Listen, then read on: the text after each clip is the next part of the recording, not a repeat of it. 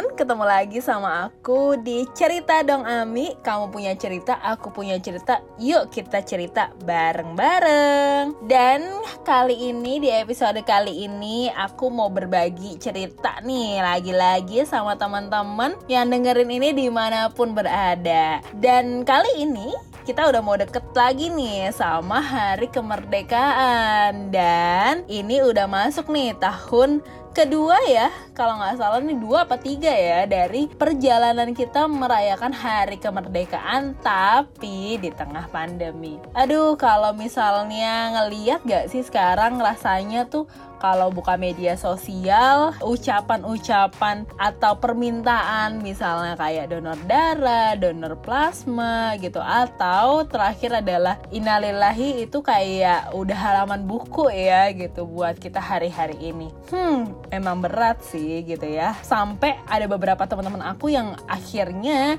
melakukan puasa media sosial. Misalnya dia puasa media sosial satu minggu gitu untuk meredakan kecemasan dan kekhawatirannya. Wajar gak sih? Wajar banget gitu kan. Kita manusia, kita yang biasanya hidup berplanning mungkin buat kamu-kamu yang memang biasa merencanakan hidup gitu hari ini kayak aduh kapan sih pandemi ini berakhir gitu ya gak sih? Itu pertanyaan kayaknya buat semua orang. Tapi kalau kamu cuma pikirin aja, kamu gak ngelakuin sesuatu, kamu akan jalan di tempat bahkan bisa jadi mundur loh dari apa yang kamu sudah capai hari ini. So gimana sih buat kamu yang mau menjalani hari-hari berikutnya biar gak galau-galau yuk ikutin tips aku. Nah hari ini aku mau bagiin gimana sih kita melakukan semangat bersemangat kembali nih. Apalagi apalagi mendekati hari kemerdekaan di tengah pandemi. Kebayang gak sih dulu mungkin pahlawan-pahlawan kita harus berjuang mengatasi rasa takut sama-sama kayak kita rasa takut, rasa khawatir untuk melawan penjajah gitu ya untuk demi kemerdekaan Indonesia. Tapi hari ini kita juga harus melawan rasa ketakutan, rasa cemas, rasa bosen Oke, buat teman-teman yang lagi sekolah di rumah gitu ya, belajar dari rumah ataupun kerja dari rumah, itu tuh tantangan kamu untuk menghadapi rasa bosan, kecemasan dan juga rasa khawatir gitu ya. Sampai kapan sih pandemi ini berakhir? Well, teman-teman, kita nggak pernah ada yang tahu. Beragam spekulasi ahli sudah dilakukan, sudah dilaksanakan, tapi satu pun tidak ada yang akurat 100%. Artinya kita masih tetap di tengah pandemi ya. Tapi satu hal yang paling aku tahu dan aku ngerasa ini semakin lama, semakin rasanya tuh kayak ngeliat fitrah manusia ya nggak sih? Hari demi hari meskipun yang tadi aku bilang uh, halaman kesedihan itu seperti buku ya, apalagi di media sosial kita. Tapi ada sisi baiknya nih dari masyarakat Indonesia yang bikin aku wah luar biasa ya gitu. Banyak teman-teman aku yang bikin donasi, donasi yang nggak diminta gitu ya, kayak berbagi beras, berbagi tabung oksigen, berbagi uh, untuk sekedar share gitu ya ataupun sampai nyariin. Jadi aku punya salah satu temen yang dia tuh dulu sebelum masa pandemi tuh hidupnya hedon banget gitu ya. Tapi begitu masa pandemi uh, beliau sangat bersyukur banget dan mengebantu orang banyak di sekitarnya. Bahkan buat aku yang teman-temannya tuh kayak wow it's perubahan yang sangat baik ya gitu. Dan kerasa nggak sih bahwa di situ kita merasa bahwa ketika kita ngasih ke orang lain sebenarnya ada energi-energi loh di dalam diri kita yang membuat kita lebih bisa melihat dan menerima keadaan yang saat ini sedang terjadi. Oke, gimana sih biar tetap semangat? Apalagi di tengah pandemi, apalagi nih mau kemerdekaan. Aduh, rindu banget rasanya ya bisa bareng-bareng sama teman-teman main tarik tambang gitu ya atau ngeliatin orang-orang main kelereng gitu ya. Itu seru banget sih dan itu nggak akan kelupa. Tapi kali ini nggak bisa teman-teman. Ada loh hal lain yang bisa teman-teman lakuin. Pertama yuk kita sama-sama tadi melakukan hal-hal kecil yang bisa kita lakukan. Mulai dari kak nggak dapet idenya gitu. Gimana cara idenya? Eh jangan-jangan rasa khawatir kamu masih tinggi banget nih. Coba lakukan yang pertama kamu terima dulu kondisi saat ini. Apa pun yang terjadi hari ini itu adalah kehendak dari yang maha kuasa. Dan mungkin di sekitar kamu sudah banyak orang-orang yang berpulang. Yes aku juga kok.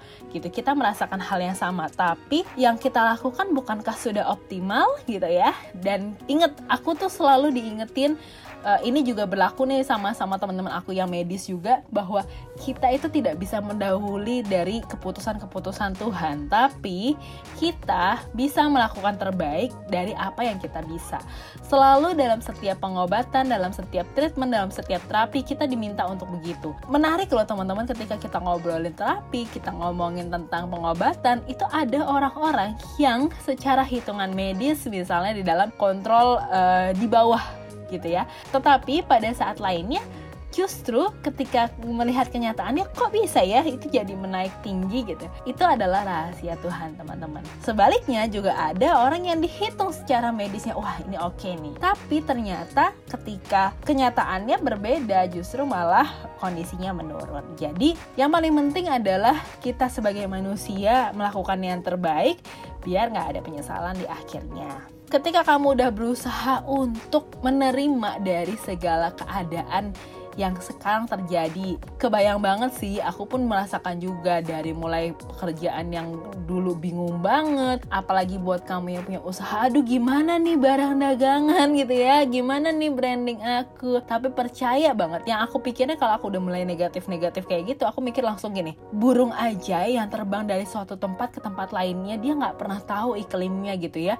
Dikasih tuh makan sama Allah ya, dikasih tuh rezeki sama Allah, kenapa kita enggak gitu ya. Yakin ini itu dan itu pelan-pelan akan membuat teman-teman mengurangi kecemasan. Karena kalau teman-teman nggak mengurangi rasa ketakutan, kecemasan teman-teman, teman-teman nggak bisa berpikir hal yang lain gitu. Nanti ketemu deh, ih, ini ternyata caranya. Yang kedua, temukan sesuatu yang menarik buat kamu gitu. Pikirin deh, apa yang akan kamu ceritakan nanti tiga tahun lagi, empat tahun lagi, setelah covid ini nggak ada gitu ya, setelah pandemi ini nggak ada.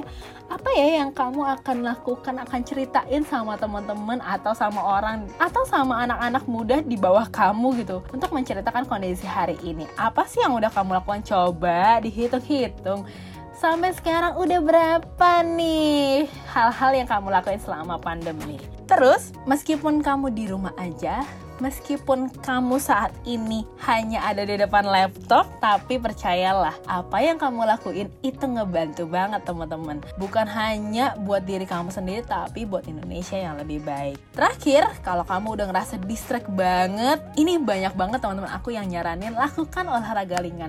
Aduh, mager banget harus keluar atau uh, aku nggak punya halaman. Teman-teman bisa lakukan. Ini aku lakuin juga. Aku biasanya melakukan yoga selama 15 menit sebelum aku aktivitas atau kalau nggak sempet buru-buru nih harus bangun pagi untuk bisa membantu orang lain gitu ya aku lakukan itu setiap malam jadi teman-teman semangat terus berjuang jangan lupa kalau kamu udah mulai negatif tuh pikirannya ya, bayangin deh hal-hal apa ya yang kira-kira bisa kita lakukan setelah pasca COVID ini. Apakah sesuatu yang tentunya udah kita tabung gitu ya? Dan waktu hari ini adalah waktu paling tepat teman-teman buat kenalin diri kamu, buat kenalin apa sih tujuan kamu kalau selama ini mungkin apa yang kamu beli adalah tergantung dari orang lain. Hari ini orang lain nggak ada yang lihat diri kamu, jadi kamu silahkan memilih untuk dirimu sendiri gitu. Dan yang terakhir, kalau kamu mencapai tujuan-tujuan kamu, ini adalah waktu yang tepat buat kamu mulai nabung. Kalau nggak bisa naikin pemasukan, minimal kurangi hal-hal yang menurut kamu nggak penting ya untuk dikeluarkan secara budgeting gitu. Dan aku seneng banget kalau kamu yang sedang merasa sendiri misalnya lakukan donasi-donasi atau berbagi dengan orang di sekitar kamu. Kenapa? Karena di situ ada nilai-nilai positif yang tentunya juga mengisi ruang-ruang hati kamu. Semoga tips ini bermanfaat. Dan meskipun kita di tengah pandemi teman-teman yuk terus berbuat terus bergerak dan sampai jumpa di episode berikutnya Thank you.